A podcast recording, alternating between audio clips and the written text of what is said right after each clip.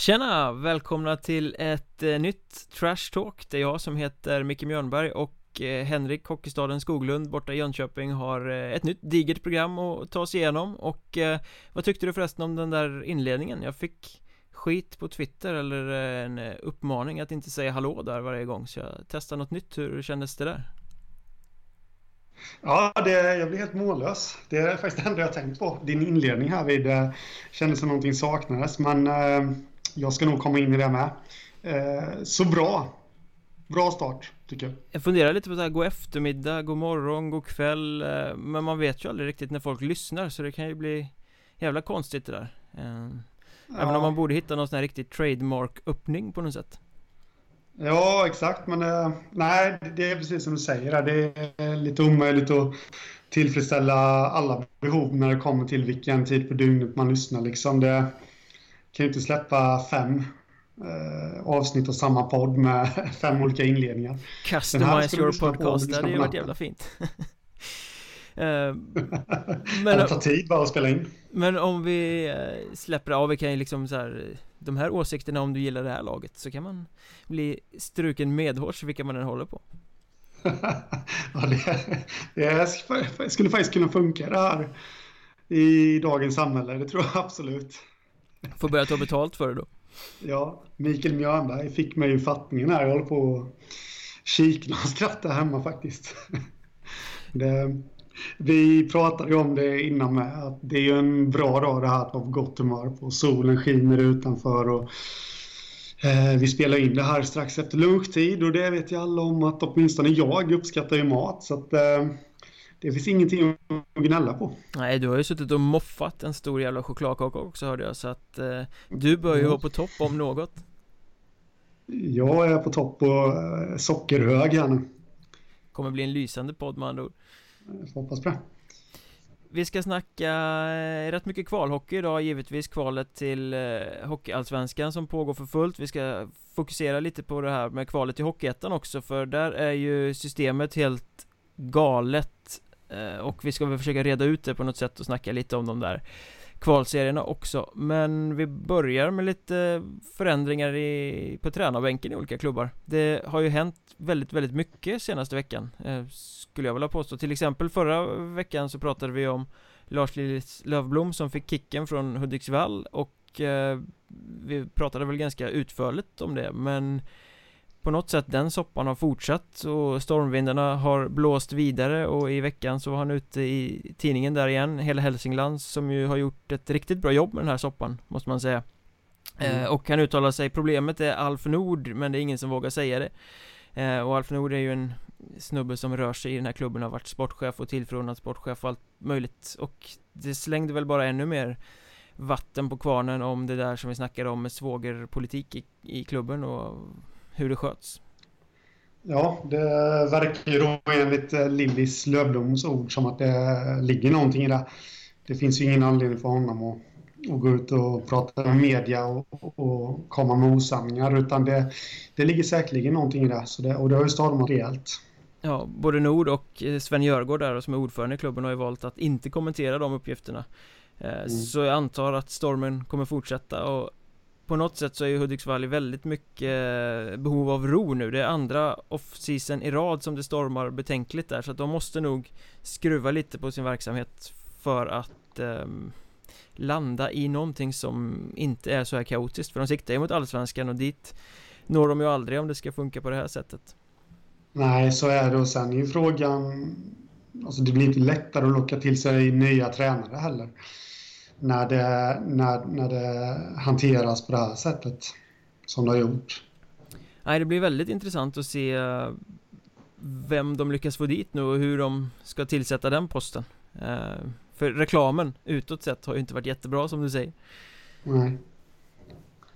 En annan herre som valde att kliva av, han gjorde det i och för sig självmant och valde att tacka nej till en fortsättning som både tränare och sportchef i Tyringe, Magnus Ram.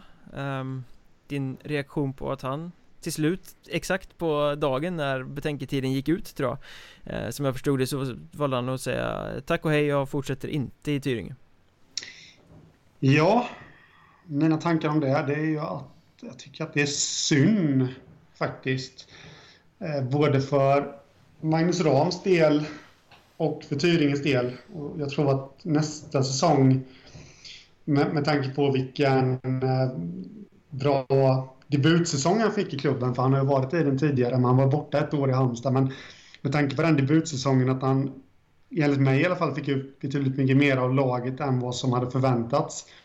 Debutsäsong menar du, menar du Hockeyettan i år då menar du med Tyringe? Alltså hans debutsäsong i Hockeyettan ja, med Tyringe? Ja, ja. ja. ja comeback-säsong menar jag i och för sig. Eh, det är bra att det finns där och rätta mig. um, Han har väl i och för sig varit i, i Tyringe i sju svåra år tror jag tidigare så att jag blev lite förvirrad där. Ja, ja, nej men han var ju där och han plockade upp dem från tvåan eh, till ettan, fick lämna dem eh, och det var väl inte självmant om jag minns rätt. Utan då ville de ha en annan tränare i Fredrik Hallberg som bara stannade kvar en säsong och sen kom Magnus Rahn tillbaka till den här då. Och jag tror att det har varit en väldig vånda för Magnus Rahm att bestämma sig. Ska han fortsätta eller ska han inte fortsätta? Och allting handlade om att eh, om jag har fattat det hela rätt så skulle han få samma ersättning för samma jobb även nästa säsong. Och han heltidsjobbar vid sidan av och skulle dessutom sköta sportchefs och tränarrollen i kombination med det. Och det, det förstår ju lite vem som helst att det, det, det, är lite för mycket kanske att göra. Så jag tror att intresset från Magnus Rams sida fanns, men eh, samtidigt så... Ja, nu, nu vet ju inte jag hur han tänkte, men jag kan väl tänka mig att han kanske inte var, ville offra den tiden ett år till.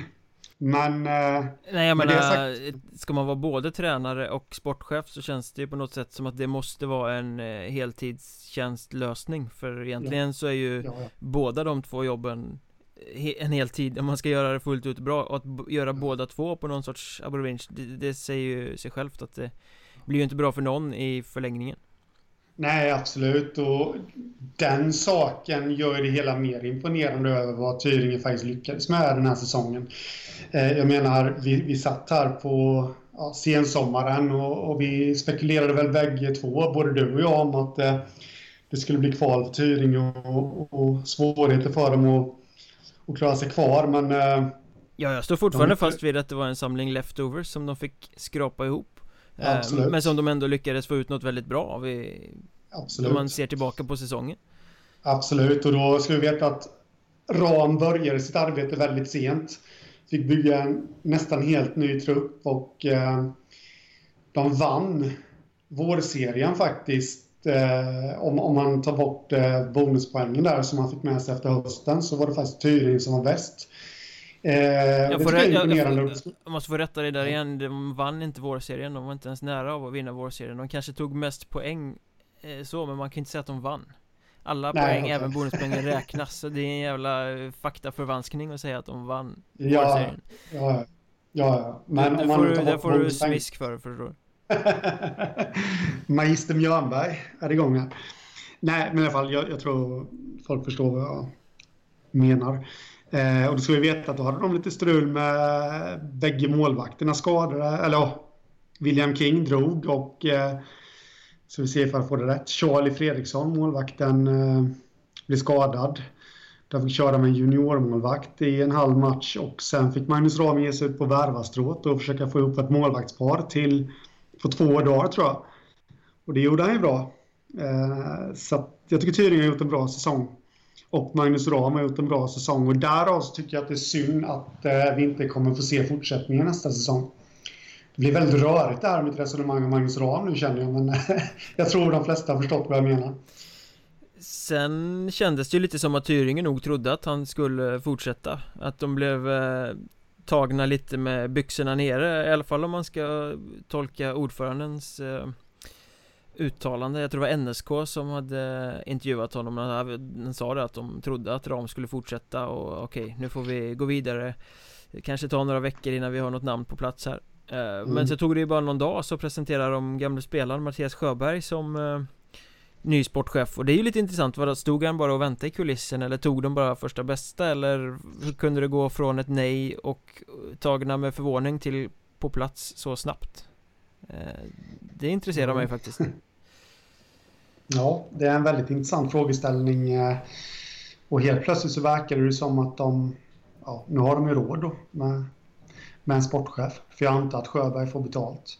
Um, och de ska in med tränare också, så ja, nej. Det, det, är lite skumt hela det här hanterandet. För jag, jag har väldigt svårt att se att man genom detta försökte få bort Magnus Ram. Alltså om folk förstår vad jag menar nu, att det var något slags kallt krig där. För jag, jag har väldigt svårt att se varför de inte skulle vilja satsa vidare på honom. Med tanke på säsongen som har varit. Så jag tror inte att det är något sånt, utan det är nog som du säger, att de hade nog räknat med att Ram skulle stanna kvar. Men kanske då sätta om sitt hus lite grann ändå. Eh, ja, men Sjöberg, kan du, kan du eh, vara standby här ifall, ifall han nu mot förmodan skulle tacka nej? Jag vet inte, jag tycker det är väldigt skumt och jag är nästan lite sådär, jag hade verkligen velat se vad Tyringe hade kunnat göra nästa år med, med mer tid. För ja, Magnus Ram då som var både tränare och sportchef och plus att de förmodligen har fått behålla större delar av truppen och vad de hade kunnat växa till att bli. Mm, vi får väl se var, var, det landar nu med man får bygga om och bygga nytt lite på ledarposition igen. Eh, mm. En annan herre som eh, frivilligt valde att kliva bort från eh, uppdraget, Rolf Nilsson i Piteå. Eh, har gjort tre säsonger där, valde nu att inte fullfölja med en fjärde. Eh, och det verkar väl som att resandet har tagit rätt mycket slitit på honom, liksom tagit ut sin rätt till slut. Mm. Och kanske är det rätt att byta röst efter tre år också, jag vet inte. Ja, jo men det kan det vara. Eh, även om jag inte alltid riktigt köper det där att byta röst och sånt där. Eh, med tanke på att vi har en spelaromsättning också i de flesta klubbar eh, varje säsong så kommer det nog dröja, dröjer det nog ett tag innan man blir trött på tränaren. Men, ja, beroende på givetvis. Men, nej men alltså tycker han att resandet sliter då, då, då ska han ju inte, då gör han ju helt rätt att kliva av tycker jag. Eftersom jag menar, känner han så nu, hur kommer han då inte känna i november? Uh, här nu senare i år, liksom, när vägarna, speciellt uppe i norr, börjar bli lite sämre och det är halka, det är mörkt och det är kallt och ja, du vet. Tappar motivationen ännu mer, alltså det är lika bra. Jag känner man inte att det är kul när det är som bäst på året, det är som du säger, då har man med sig något minsta lilla tvivel in från början då kommer det ju aldrig sluta bra för sånt där vänder ju liksom inte det är inte så att Nej. man plötsligt hittar glädje och motivation igen. Nej, så är det ju. Sen, eh, sen eh, tänker jag lite på också att... Alltså, jag säger inte att Peter gjorde en dålig säsong här nu i år, men, men de tog sig inte kanske så långt som de hade kunnat tänka sig att göra. Och det kanske också ligger lite till, beslut, till eh, grund för hans beslut där. Att, eh, han kanske känner att han har fått ut max av det här laget och ja, vi vet inte vad Peter kan förvänta sig nästa säsong i, i värvningsväg och, och allt det där. Så han kanske kände att motivationen började tryta lite på det hållet också. Det blir intressant att se vem som tar över Piteå. Um, nu har det ju varit samma här i några år nu så att ja, det blir intressant. Alltså förändring för oss som tittar från utsidan är ju alltid roligt och när det verkar som de skiljs så här i samförstånd så finns det ju ingen idé att grotta ner sig för mycket i det på något sätt känns det som utan Vi kan släppa Rolf Nilsson och så kan vi kasta oss vidare till lilla Grästorp där eh, ryssen där på tränarbänken Sergej Jukov eh, Han fick gå Trots att de gjorde sitt sportsligt bästa resultat på 60 år tror jag läste att det var eh, Jag är ingen Grästorpsexpert så jag vet inte om det stämmer men det var vad som eh, kommunicerades ut i alla fall eh, Men mm. han får inte vara kvar De väljer att inte gå vidare med honom Ja. Eh, jag sätter man det bara ur det perspektivet att, eh, att de har gjort sitt bästa sportsliga resultat genom alla tider. För jag antar att det är i 60 år föreningen har funnits. Så eh, kan det tyckas lite märkligt men eh, det känns väl som att det har varit klart en längre tid ändå. Ja, det har ju snackats en hel del hela säsongen om att det har varit lite inte alla som har varit nöjda med hans ledarskap och så vidare Det har eh, eh, Jag vet inte hur man ska uttrycka det men det har funnits missnöje I alla fall mm. Och eh, som jag förstår saken när jag lyssnar runt på folk så det, har det varit klart en längre tid att han inte skulle fortsätta Eh, för att de ville satsa på något annat så att det här kom, jag skrev det också i en krönika för några dagar sedan att det här var väl kanske silly seasons minst överraskande nyhet Att han inte skulle få vara kvar ehm. Ja Lite så. Därför var det ju lite oväntat eh, enligt mig när jag var inne på Hockeyettans egna officiella sida för ja, två månader sedan eller något. Den officiella hemsidan och de plockade ut ett All-Star team med Sergej Jukov i, i tränarstolen där, tränarpositionen. Och när man kände till det här och att ja, man han kommer nog kanske inte, eller man också hört det här viskas att han kanske inte kommer bli kvar i klubben så föreföll det väldigt, väldigt märkligt faktiskt. Det där All-Star-teamet var ju en källa till allmän munterhet runt om i, i Hockeysverige Kan man ju säga Ja, ja lite så eh, men, eh, men det är klart att det är lite konstigt också det kan man ju säga att Ja Att han får lämna med, med tanke på att det ja, det främsta sportsliga resultatet genom tiderna. Men, eh, och man kan inte göra alla nöjda heller. Men men det är väl så att det är för många som har varit missnöjda med, med ledarstilen. Så. Och är det för många som är det, då är det helt rätt att byta. Är det bara två, tre stycken, ja men då kanske det inte är lika rätt att byta. Men och vad jag har förstått hela som så är det något fler än två, tre stycken som har varit missnöjda. Härvid. Ja, och eh, hockeyn går ju mer och mer och mer emot eh, ett modernt ledarskap med lyhördhet och dialog och eh, öppna dörrar snarare än eh, fyrkantig box. Så mm. Eh, jag är helt övertygad om att det var ett rätt beslut. Ja, det tror jag med. Det ska bli intressant att se vem de får in på tränarbänken här nu. Eh, Magnus Ram kanske? Återstår väl att se. Och är det någon som undrar vad det är som bubblar i bakgrunden så är det inte Henriks mage efter eh, chokladidisslande utan det är en diskmaskin som står och bubblar och fräser. Den kan inte vara ny direkt va? No. Alltså, max fem år tror jag, men eh, jag trodde snarare att vi skulle prata lite om hur ofantligt huslig jag är som har varit och dragit igång en diskmaskin så här på, mitt på blanka dagen. Med tanke på hur det låter så skulle jag vilja uppmana dig till att också rensa avloppet. Det behöver man göra ibland, det sitter rätt mycket bös kläggat där nere. Ja, jag, min sambo brukar påpeka det också att, att det är dags nu. Från det ena till det andra. Eh, Östersund har gett sig in i jakten på Roger Forsberg. Vad tänker du om det? Jag, jag tycker det är bra. Jag, jag gillar Roger Forsberg faktiskt. Eh, så han har gjort väldigt bra saker med Timrå här nu. Eh, den här säsongen som var, han var där förra säsongen med. Eh, han har ju främst gjort sina större insatser på juniorsidan innan han blev seniortränare och eh, han är lite den här utvecklingscoachen som, som skulle, nu tror jag att han har högre ambitioner än så, än att träna i Hockeyettan, men, men han skulle definitivt passa i ett lag i Hockeyettan för han är bra på att utveckla spelare. Och mm. vi har ju många unga killar i, i våran serie så att säga, så att eh, han hade passat perfekt i Östersund, plus att han är därifrån också. Ja, det är väl den eh, känslan man har fått av honom eh, i Timrå Att han har verkligen gillat och varit framgångsrik med att jobba med det här unga spelarmaterialet mm. Eh, däremot så är väl den spontana känslan om man lyssnar på när han har snackat intervjuer och sådär Att Östersund är väl knappast ett första spår ehm, han har högre ambitioner, han vill nu till någon klubb kanske i Allsvenskan eller någonting där det är en lite större utmaning kanske.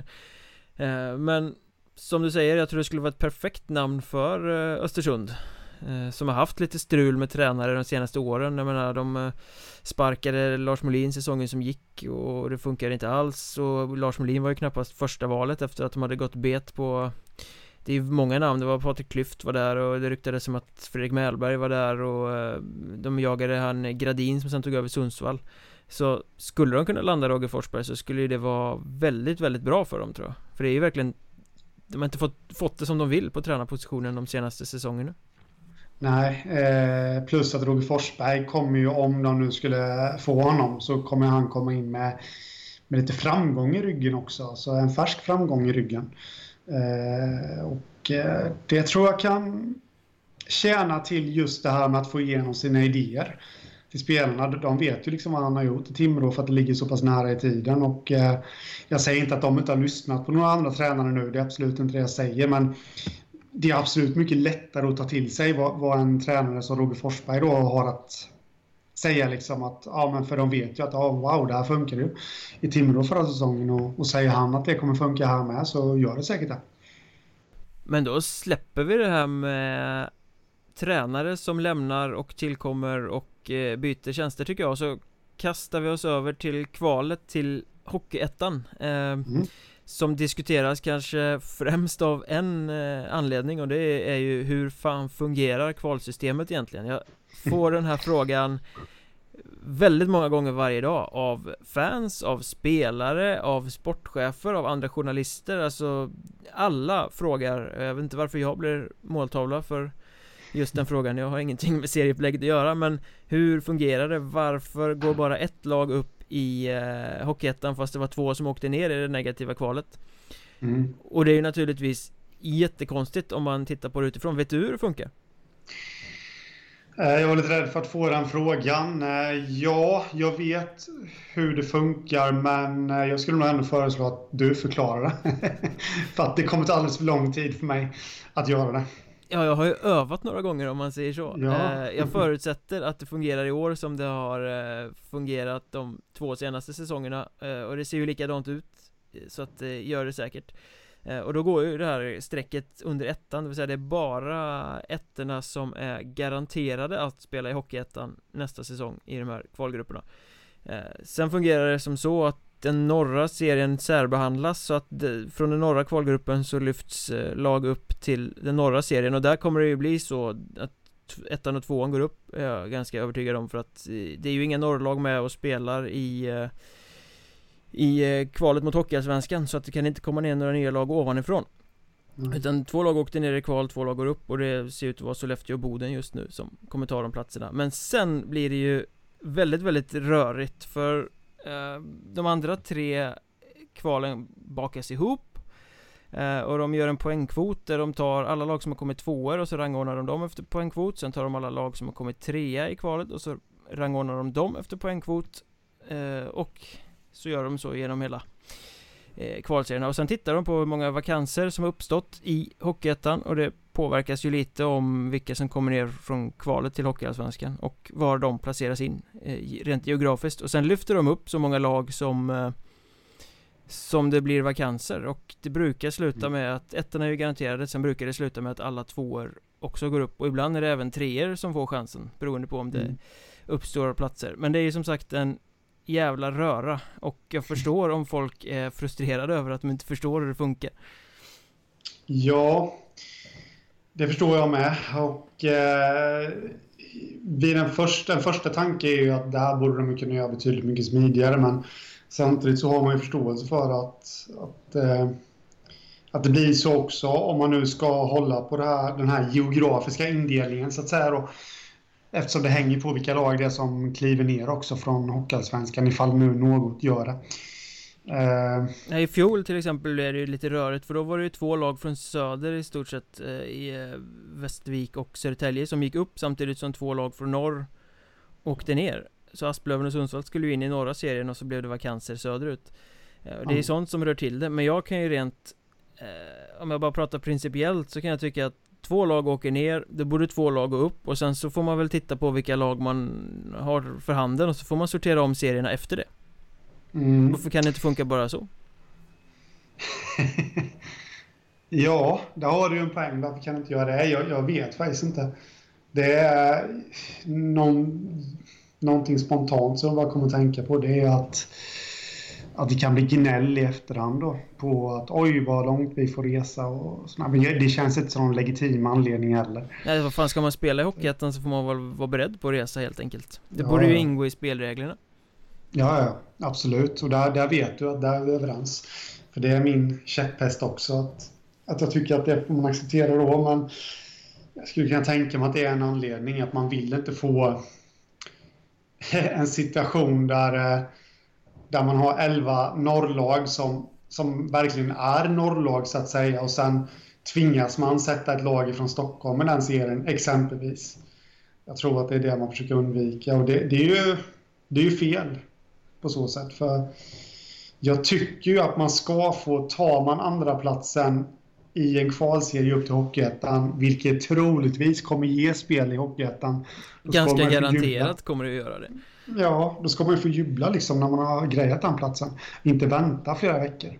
Nej, det är ju det som är baksidan här lite när man bara garanterar ettorna trots att det är fler platser än så på spel eh, Jag förstår den här, man vill säkra så att det inte blir helt kaotiskt med resvägar och geografi och, och allting sånt där Men du, som du säger, man rånar eh, flera lag på möjligheten att få jubla på isen, skapa tv-puckshög och supportrarna får liksom eh, gå i taket för att det är så här, ja men vi har nog gått upp men vi kan inte vara 100% säkra Nej. eh, Det är tråkigt. Samtidigt så tillkommer det ju en annan grej här och det är det här, lagen vet inte exakt på vilka preferenser de spelar Tänk om du har en slutomgång där du liksom eh, slåss för att komma tvåa fast det kanske kan eh, räcka att bli bästa trea Men om du tar ut målvakten och misslyckas och släpper in ett mål till så kanske du blir näst bästa trea och då kanske du inte går upp fast du egentligen, ja alltså Mm. om man inte riktigt vet hur man ska satsa för man vet inte vad som står på spel Man vet inte vad som räcker, man vet inte vad man måste göra Nej. eh, Nej, så är det. och, och det tar ju lite bort det sportsliga ur det också Jo, men det gör det. Man, man, man ska liksom veta förutsättningarna, vad det är man spelar om, precis det som du säger. Och eh, jag tänker ju även det här med, vad ska man säga, alltså bygga nästa säsongs trupp också. Det måste man egentligen, alltså går man upp, är man nykomling och går upp från tvåan till ettan, vilket vi, vi vet att det, det är ett väldigt stort steg att ta. Eh, då vill man gärna vara igång, helst redan dagen efter avancemanget, eller serierna är färdigspelade. Så vill man vara, Mm. vara igång, liksom börja, ja, planera. Nu blir det ju flera veckor där man visst, man kan vara igång och planera, men man får köra med två alternativa planer för, för de eh, klubbarna som befinner sig i absoluta gränstrakten. Och det är ju inte säkert att spelarna som de har på kroken har tid att vänta heller på att det blir definitivt klart. Det ska göras klart med jobb och, och bostad och ja, med allt det där. Sånt där tar, tar tid. Ja, och en annan baksida av det är ju att fansen fattar inte upplägget om man inte kan engagera publiken i att förstå vad det är man spelar om och vad som gäller någonting eh, Jag menar, nu, om, du, om du tittar på kvalserierna nu så finns det ju många lag som inte har chans att komma etta längre i stort sett men har väldigt, väldigt god chans att komma tvåa eller trea Mm. Eh, och tittar man bara på tabellen så går ju strecket där under ettan och då är det lätt att fans som inte är så himla insatta tänker Jaha men det är ju ändå kört, fan ska vi gå på den här kvalmatchen för? Mm. Eh, vi har ju inget att spela för Fast man egentligen kanske har jättemycket att spela för. Så att det är Förlåt att jag svär men det är ett jävligt dåligt sätt att sälja sporten också.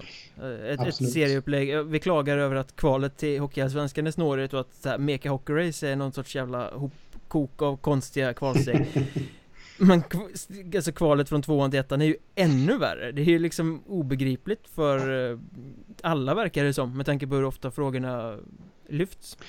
På något sätt så tycker jag att, eh, för det tycker jag är extremt viktigt att, att man liksom lyckas hålla kvar fansen och engagera dem. På något sätt borde ju någon eh, hugad som lyssnar på detta ta tag i att styra upp en hemsida där man kontinuerligt uppdaterar en live-tabell med förutsättningarna som är uppifrån också och det är svårt att säga säkert, men liksom en live-tabell bland de bästa tvåorna, en live-tabell bland de bästa treorna. Samtidigt som man då eh, ger förutsättningarna från eh, den högre kvalserien där att eh, ja, men nu kommer nog serierna se ut så här. Det blir ju väldigt spekula spekulativt, men ändå, det skulle faktiskt vara intressant att se en sån sida. För jag har väldigt, jag har ju rätt stor koll på Hockeyettan, anser jag själv, men, men just det här vilka som är bästa tvåor och sånt har jag ju koll på nu givetvis eftersom vi strax ska prata om det, men, eh, men eh, generellt så har jag faktiskt inte det. Nej, och sen eh, är det ju så också om man ska vara rent krass så att runtflyttning mellan serierna när kvalen väl är avslutade och vilka lag som ska gå upp och klart Det kommer ju ske i alla fall Mm. Jag menar Vimmerby, Västervik flyttades till Söderserien för två år sedan. Tranås flyttades dit, alltså man flyttar ju runt lag beroende på vilka lag som har gått upp. Så jag tycker att det behöver inte vara så här himla rörigt som det är. Nej. Eh, Eller så bestämmer man bara krasst att man kvalar till den serie som man liksom åkte ner från eller någonting. Och i, i södra också så blir det ju ännu löjligare för där spelas ju kvalet bara på fem lag eh, I och med att Varberg har dragit sig ur. Så där kommer det ju vara en extra vakans hur det än blir Ja, på, precis. på något sätt så det, ja Det är rörigt, vi kan sitta här och prata om det här i 58 år tror jag eh, Och det kommer bara sluta med att vi blir högröda och upprörda så att eh, Vi får väl vänta tills frågan avgörs på skrivbordet helt enkelt Ja. Tyvärr Ja, tyvärr ja. Precis som alla andra år. Men vad, vad, säger du om, eh, om kvalet då så här långt? Det har varit rätt intressanta kvalserier ändå som um, Jag har följt dem lite på avstånd så här eh, I norr känns det ju Ganska avgjort skulle jag säga. Det känns som att Sollefteå kommer klara sig kvar och Boden kommer ta andra platsen där. Brunflo Sladdar och får väl förlita sig på eh, att Något lag drar sig ur eller så och då kunna gå upp som trea Som det känns. Ja, nej jag säger inte emot och jag tycker att det är väldigt kul att eh, med tre omgångar kvar, precis som du säger, eh, ja fyra omgångar kvar för Ånge och Njurunda, men precis som du säger så, så känns det som att Sollefteå och Boden är klara. Och eh, Boden tycker jag är kul att de är på väg att ta klivet in i elithockeyn här igen. Ja, de har ju satsat några år utan att ja. riktigt lyckas. De hade väl Mattias Modig i kassen förra årets kval har jag för mig. Ja, han blev skadad, om inte jag minns helt fel. Eh, i premiäromgången i kvalserien. Så att, eh, han fick väl aldrig riktigt chansen att, att lyfta sin eh, moderklubb till, eh, till ettan där. Men eh, nej, de, de gör det bra och det är ett lag som har varit väldigt, väldigt nära elitserien i ishockey på 90-talet och eh, gick i konkurs för en herrans massa år sedan men nu är på väg igen. Eh, det ska bli intressant att se vad de kan uträtta i ettan. Om de nu tar sig dit, vill säga. Uh... Nu är Henrik Wikipedia Skoglund igång Ja, precis. Uh... Nej, men det, det, det, det ska bli kul. Kalenderbiten. Ja. Uh, Däremot satt vi här och hypade Kiruna AF i en tidigare podd och längtade efter Kiruna-derbyn i Hockeyettan Men eh, de har ju varit klappkass i kvalet, de har tagit noll poäng på sju matcher mm. Den såg man inte riktigt komma faktiskt Jag trodde nog att de skulle ta några fler poäng faktiskt, måste jag säga Svårt att säga vad det beror på uh, Jag har ingen aning faktiskt, men det, det är väl lite det här med kanske kvalrutinen också Eh, det är en rätt ny förening första gången de är i kval. Eller nygammal förening ska vi säga. Eh, första gången de är i kval uppåt i Hockeyettan och eh, kanske behöver ett år till att mogna till på som, mm. som trupp. Jag vet att Boden var ju likadana förra säsongen också. Kom inte riktigt till sin rätt så att det finns all anledning att hålla ett öga på Kiruna till nästkommande säsong. Men norra känns som sagt ganska avgjord Om vi blickar mot den västra också så känns ju den eh, Toppen också Ganska avgjord Alltså Surahammar krossar ju den serien eh, ja. När vi spelar in det här så har de tagit 17 poäng och de leder, har 5 ner till tvåan eh, De går från klarhet till klarhet helt enkelt De förstärkte ju ganska starkt också med väldigt massa spelare från andra Hockeyettan-lag vid, vid deadline mm. där. Någonting som vi ondgjorde oss över. Ja, jag tycker fortfarande att det är helt galet att de mm. gör så år efter år.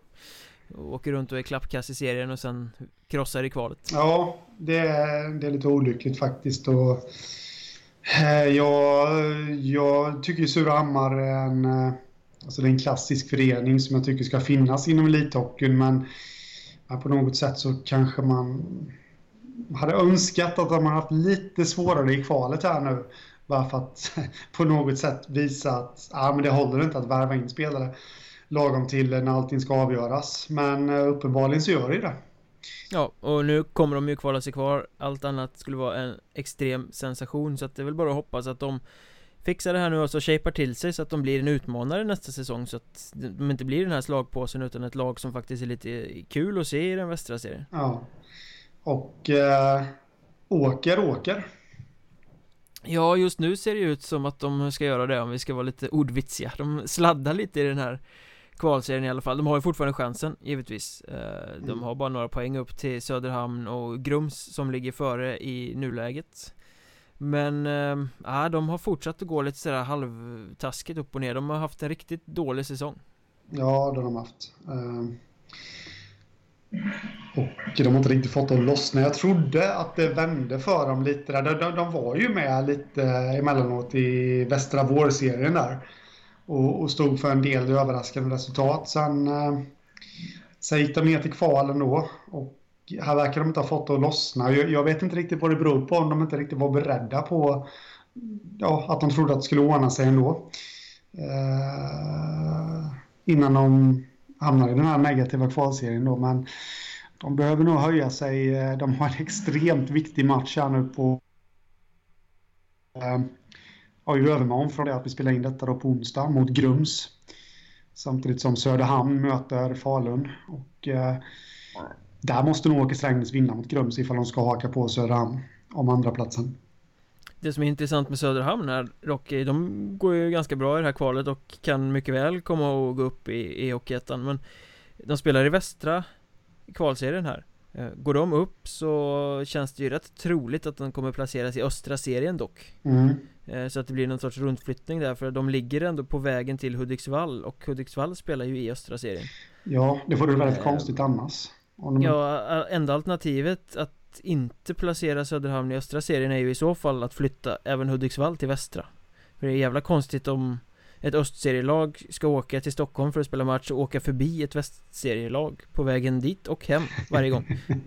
Ja, fast märkligare saker har ju hänt också så att, uh, jag vet inte, nej men det är precis som du säger, de, de borde ju ri, givetvis flyttas över. Jag kan inte prata då alltså, rivetvis Rivet, ja, ja. rivet ja. Rivet ris. Nej men uh, Om ifall de går upp Ska vi säga.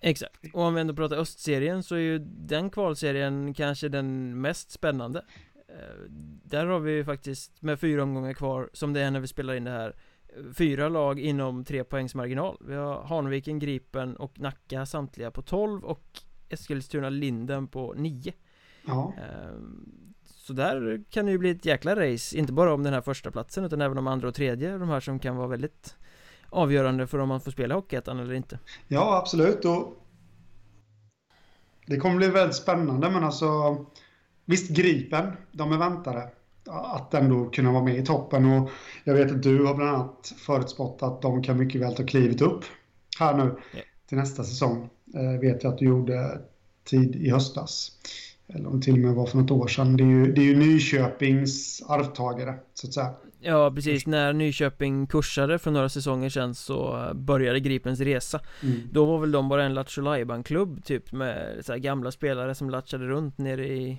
jag vet inte om det var division 4 eller något sånt där tror jag mm. Och sen kursade Nyköping, då började Gripen satsa, tog in många spelare därifrån givetvis och Sen har ju de gått upp varje vår sedan dess Och liksom ja. gett sig ut på sin resa genom seriesystemet mm. och nu Ska de ju skörda, nu ska de ju upp i ettan känns det som. Ja, så det håller jag absolut med om. Och eh, med en stad om Nyköpings eh, storlek ska jag ändå ha ett elitlag i hockey.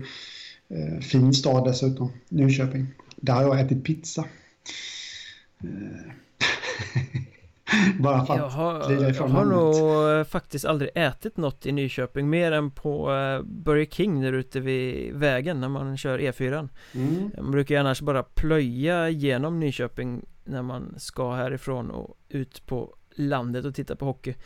Uh, Eller när man ska till Skavsta och flyga till någon trevlig destination Då svänger man ju av där ja. Nyköping. Men jag tror bara jag har käkat Burger King-burgare där, aldrig varit liksom inne i själva restaurangutbudet Ja, nej det har jag varit. Jag har lite kontakter, eller från förr i tiden lite kontakter där uppe som jag har varit och hälsat på. Så att det, det har blivit några pizzor genom åren. Ah, jag kommer faktiskt ihåg det för att eh, det fanns en pizzeria som bjöd på ofantligt stark pizza. Som till och med höll på att knäcka mig. Eh, men om vi ska lämna det nu så... Eh, lät din mage ungefär som diskmaskinen efter det då? det kan man väl säga ungefär att den gjorde. Jag, jag stod vid, eh, ja, vid disken där framme sen och drack vatten i mängder. Kan jag säga. Det måste sett väldigt roligt ut för de som såg mig. Men, hade, du, hade du publik? Ja, det fanns säkert publik. Jag kommer faktiskt inte ihåg. Det är så länge sedan här nu. För det är ju någonting man kan säga att Gripen har annars om man eh, ska göra en sån här snygg övergång. För att de snittar 1078 pers i kvalserien nu. Ja. Eh, så det är ett publiklag som östra serien skulle må ofantligt bra av att få upp. Eh, Ja, ja absolut, jag. absolut. Och Tumba ligger risigt till för att åka ur nu. De snittar 147 pers i kvalserien Nacka är ju med och åker och kan klara sig kvar här men de snittar 85 så alltså, man kanske inte ska uttala sig om att man tycker mer om andra lag Men jag ser ju hellre att Gripen går upp med sin publikboost och det de kan tillföra än Nacka och Tumba som har legat sist i år och varit precis kass och inte har någon publik Mm. alltså, Gripen kommer ju gå in och tillföra både sportsligt och publikt på många sätt Nej, nej, där har du en poäng givetvis. En nostalgiker som jag är så, så gillar ju det. Det klingar fint. Nacka och Tumba liksom. För det första, nu snackar jag inte fotbollsspelaren och hockeyspelaren utan jag pratar ju klubbarna eh, som ändå har varit med högt uppe förut och eh, andas en viss historik i sina klubbar och det, det tycker jag är intressant. Eh, en sak som slår mig här bara faktiskt eh, om jag får passa på att nämna det, det är att Jumbo Nynäshamn har med hela fyra spelare i toppen på poängligan. Eh, Niklas Gillenfalk och Alexander Bylin som delar ledningen där med nio poäng.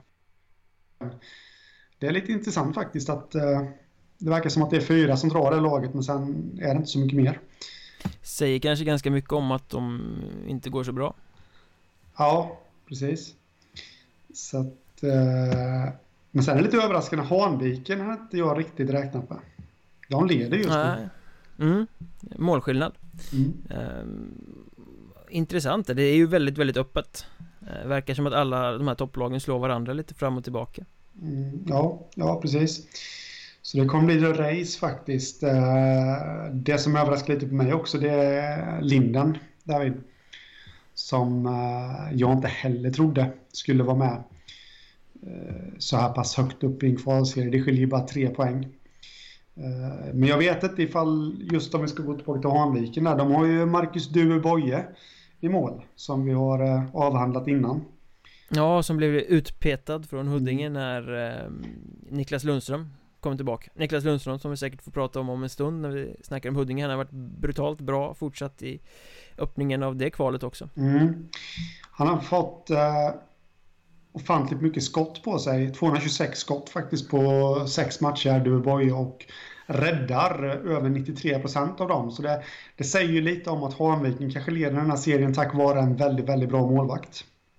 Låter som du är något på spåren där, för Mm. eh, de började väl inte jättelysande om jag kommer ihåg rätt i kvalet Men vi ska inte hänga upp oss för mycket kring den östra serien, vi ska kasta oss rakt in i den södra också innan vi går till det allsvenska kvalet och söderut känns det ju som att eh, Halmstad kommer klara sig kvar De Ja. är det stabilaste laget i den kvalserien Ja, men det är de. Eh, nu torskade de i och för sig senast mot uh, Mjölby. Lite, lite överraskande.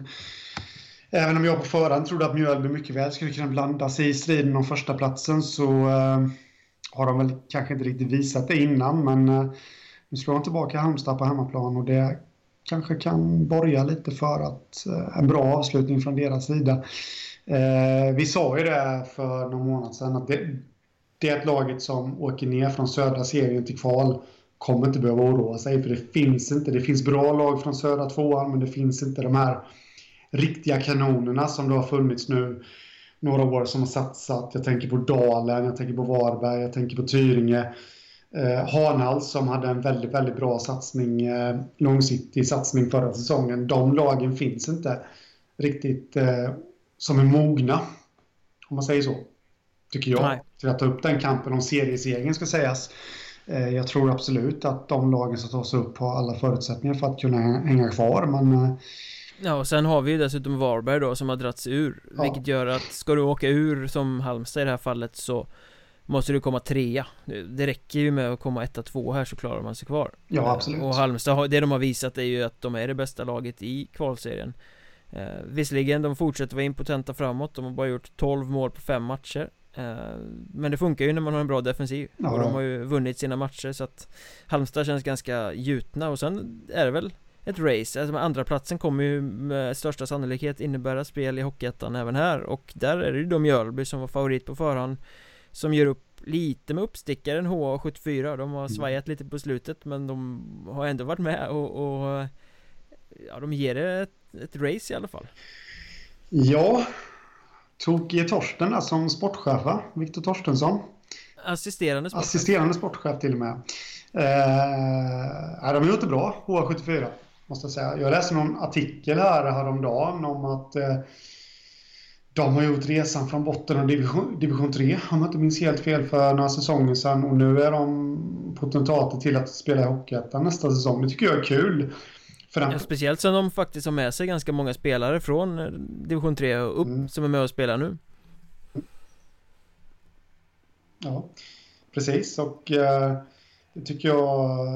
Ja, det glädjer mig som dessutom har dem på nära håll här. Jag jag vurmar lite för hockeyn i Småland och framförallt Jönköpings län och eh, de är från Jönköpings län, från Sävsjö som är några mil härifrån och eh, det tror jag är bra för den lokala hockeyn framförallt. Men nu, nu handlar ju inte den här podden om den lokala hockeyn så eh, men det är kul ändå att få upp lite nya lag.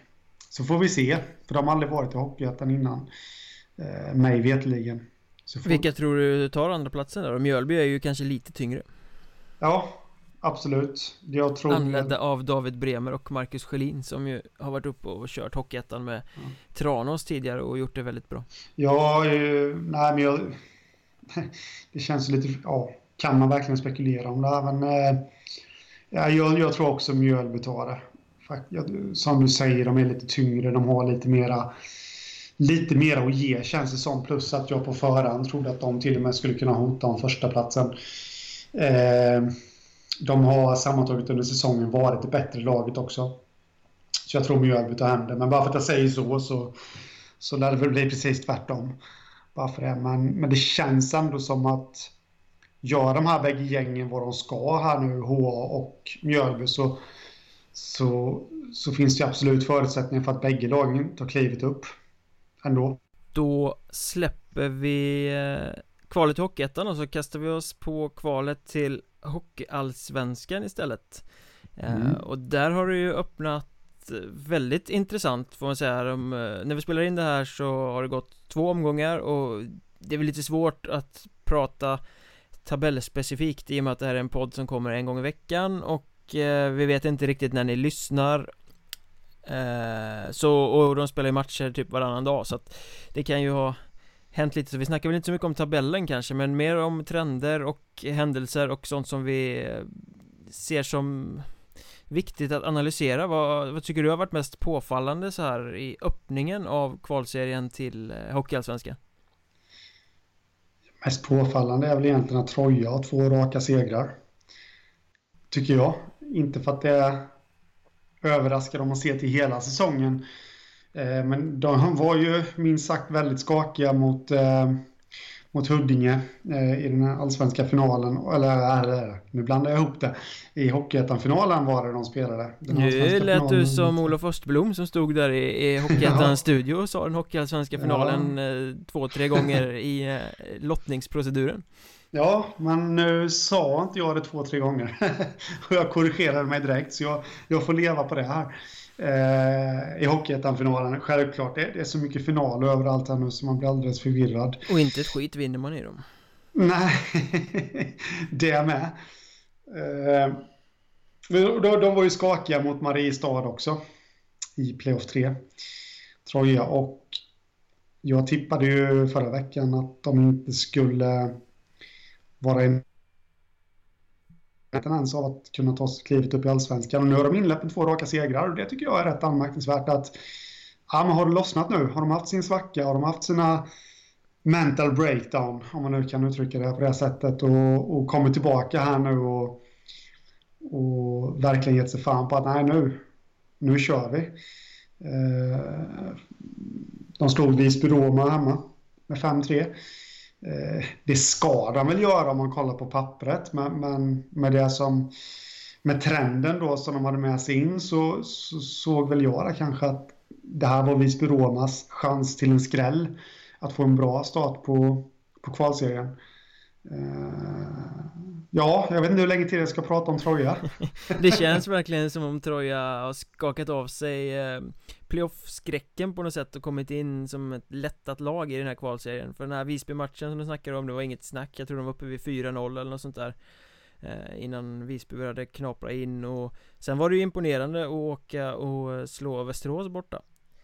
Mycket Eh, och eh, det var liksom inte bara gnetspel utan de åkte dit och spelade väldigt, väldigt bra också Har då öppnat med två raka segrar. Och det är ju den totala motsatsen till hur de inledde kvalserien förra året. För då spelade de ju väldigt bra men fick inte med sig några poäng. Jag tror de hade en poäng efter tre omgångar Trots att de hade varit drivande i många matcher och var ett väldigt välspelande lag. Så det här är ju natt och dag Jämfört med mm, hur det var då. Det känns som att Troja har fått en här mental boost av att eh, liksom klara, klara av Mariestad på något sätt. Mm.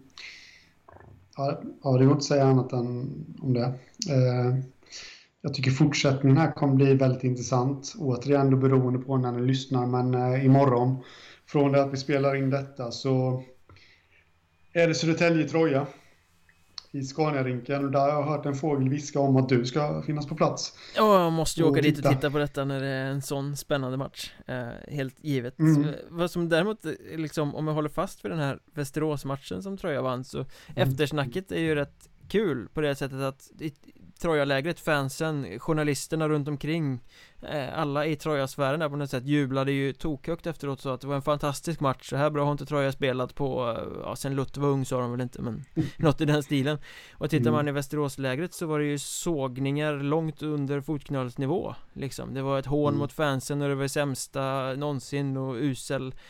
Så de ser ju extremt olika på den här matchen i olika läger. Eh, som vanligt så är det väl så att sanningen ligger någonstans mittemellan men det är väldigt intressant liksom att det kan skilja så.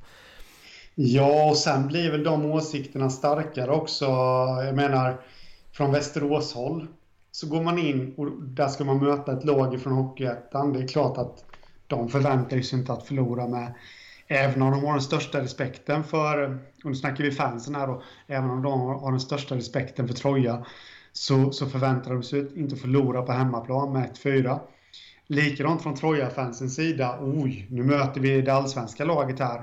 Det, det är ju liksom en sån här riktigt tuff match och så vinner de med 4-1 och då tror jag att man kan bli lite, lite omedvetet lurad. Eh, att ens lag har presterat mycket sämre slash bättre än, eh, än vad man hade förväntat sig vi funkar ju ofta så vi människor att vi, vi, vi kör ett slutbetyg efter vad vi hade för förväntningar också. Mm. Men för Västerås del, aj, aj, aj, aj, aj att förlora den första matchen mot Hockeyettan-motstånd, dessutom på hemmaplan. Eh, det var ju inte alls med deras plan att det skulle bli så. Nej, det, det tvivlar jag på. Det hade varit väldigt konstigt ifall grabbar, match två ska vi förlora. Eh, bara för att, eh, ja, nej, jag vet inte, nej men det är klart att de inte hade det som målsättning. Eh, och nu kommer det nog börja komma in lite tankar och lite funderingar i Västerås-truppen. Jag menar, de, de har bara fått med sig två poäng från de två första matcherna. Mm. Tog de för lätt på eh. uppgiften mot tror jag? Svårt att säga. Jag är väldigt, väldigt, väldigt svårt att se att de skulle göra det. Men det, det kanske var lite förväntningar där med. Nu, nu säger jag inte att de underskattade Troja, men ändå kanske när de hade den här matchen framför ögonen eh, i sina tankar så, så kanske de inte hade förväntat sig ett så hårt, hårt motstånd. Jag vet inte, det... Ja, det är svårt att säga. Troja klev ju på och vågade spela anfallshockey. Eh, det kanske chockade Västerås. De kanske mm. mentalt har förberett sig på Hockeyettan-lag som ska ha mer respekt och backa hem. Mm. Ja, men det, jo, så är det absolut. Och Nej, om man ska... Hade jag varit spelare och ledare och fan här nu till Västerås så hade jag varit sjukt orolig faktiskt. Och då satt vi här för en vecka sedan och nu sa vi inte det rakt ut men, äh, men de kommer leka hem den här serien. Jag tänkte i alla fall så, sen sa jag det inte rakt ut för jag trodde att de skulle kunna gå relativt enkelt genom det här men äh, det, det gör ju att fortsättningen kommer bli än mer intressant.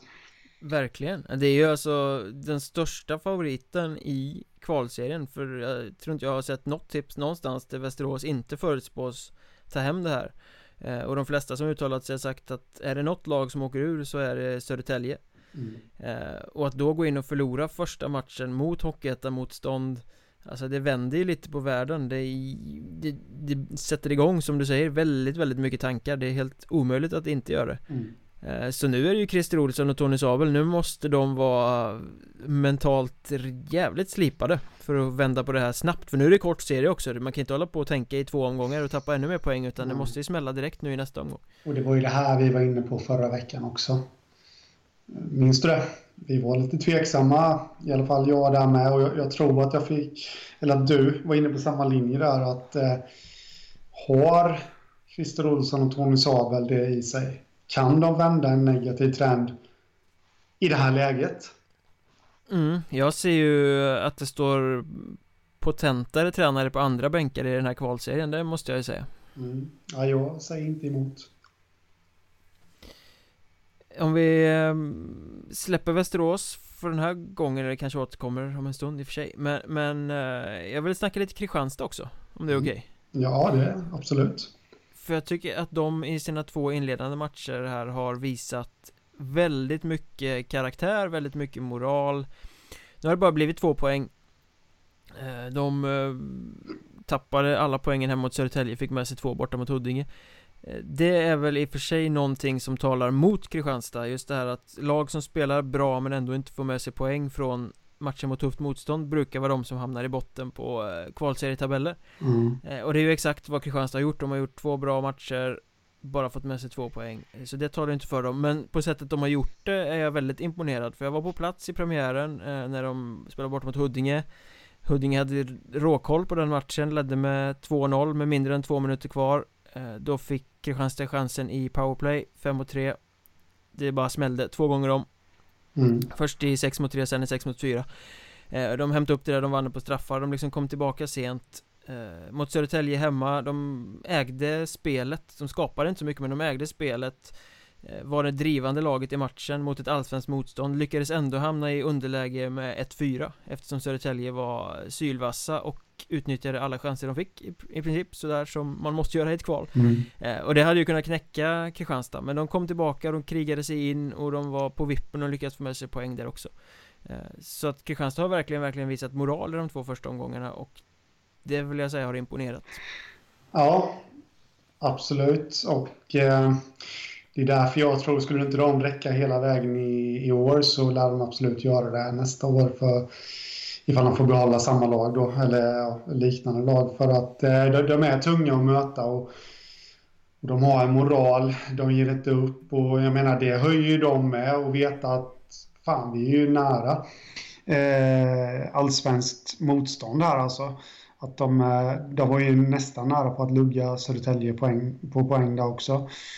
Och det kommer de att nytta av, men, men precis som du säger, alltså, de kan ju inte fortsätta så här så länge till om det ska bli avancemang i år, för att eh, då måste de ju börja vinna eh, sina matcher här nu på full tid. Och eh, ja, jag säger inte att loppet är kört, men, eh, men de måste börja vinna från och med nu.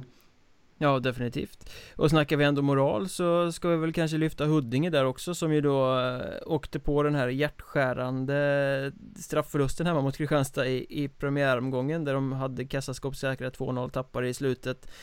De var väldigt, väldigt upprörda spelarna efteråt för det var ett domslut där i, i slutändan när de hade själva åkt på en eh, pack out och en slashing eh, hamnat i 3 mot 5 läge De tyckte själva att en eh, egen spelare, Måns Kryger, fick klubban sönderslagen eh, och att eh, skulle bli en utvisning på Kristianstad-spelare. Det blev inte det och Kristianstad gjorde 1-2 i den situationen. Mm. Eh, när man har tittat på videon i efterhand så eh, all cred till domaren för man ser faktiskt att det är Huddinge-spelaren själv som slår av sin klubba på en Kristianstad-spelare så det var helt rätt att fria det men mm. det hann ju inte spelarna se och de kände sig väldigt förfördelade och det var frustrerat och upprört. De åkte ändå till Gotland två dagar senare och vann borta mot Visby vilket ju är skitsvårt att göra Mot en konkurrent så, så de visade ju också moral och kom tillbaka och Visar precis som i finalen mot Troja att det finns någonting mer än bara finess i det här Huddinge-laget Ja, absolut. Och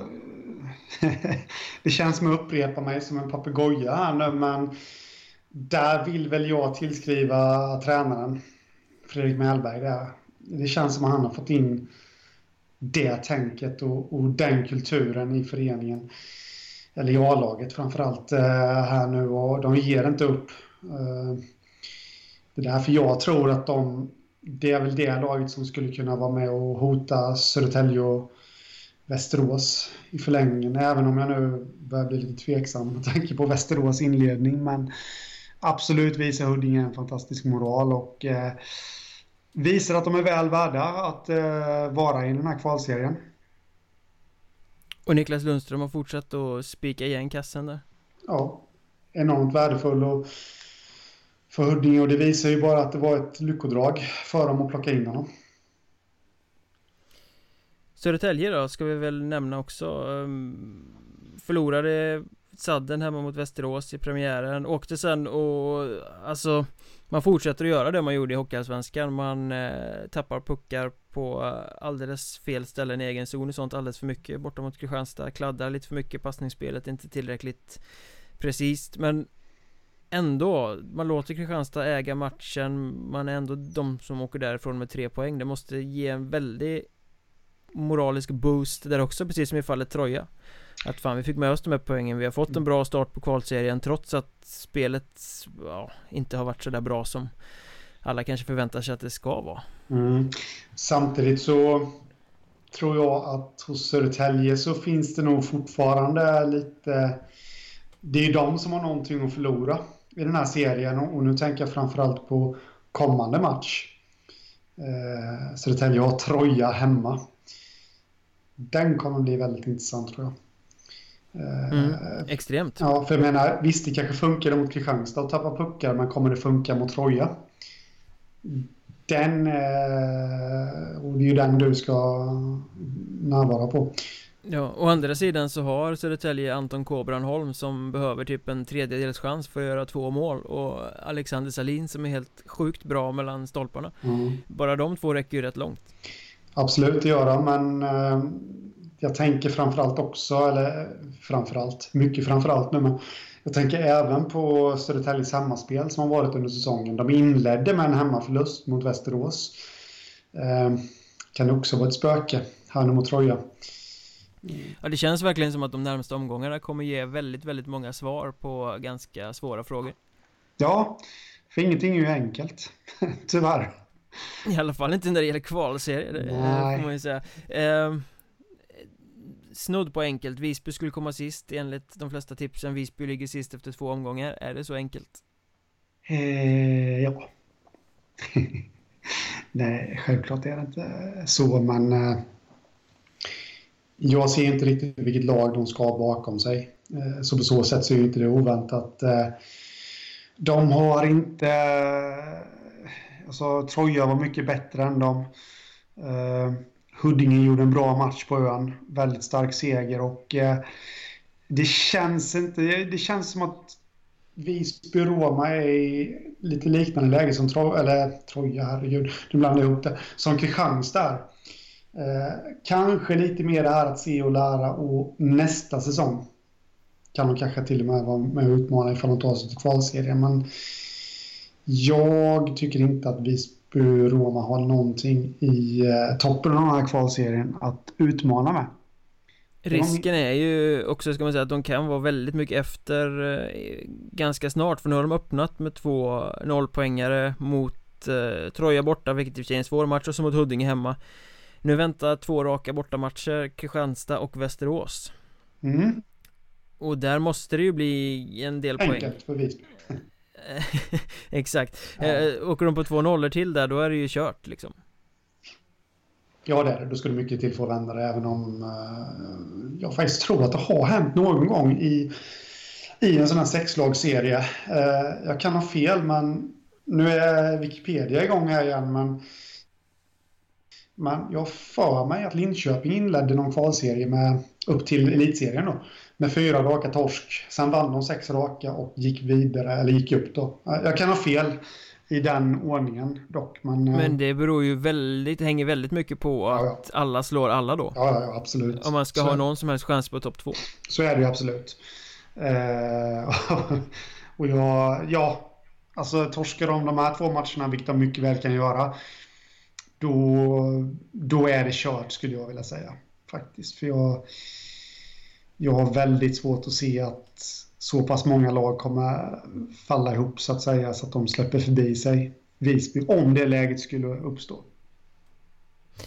Jag är benägen att hålla med där. Mm.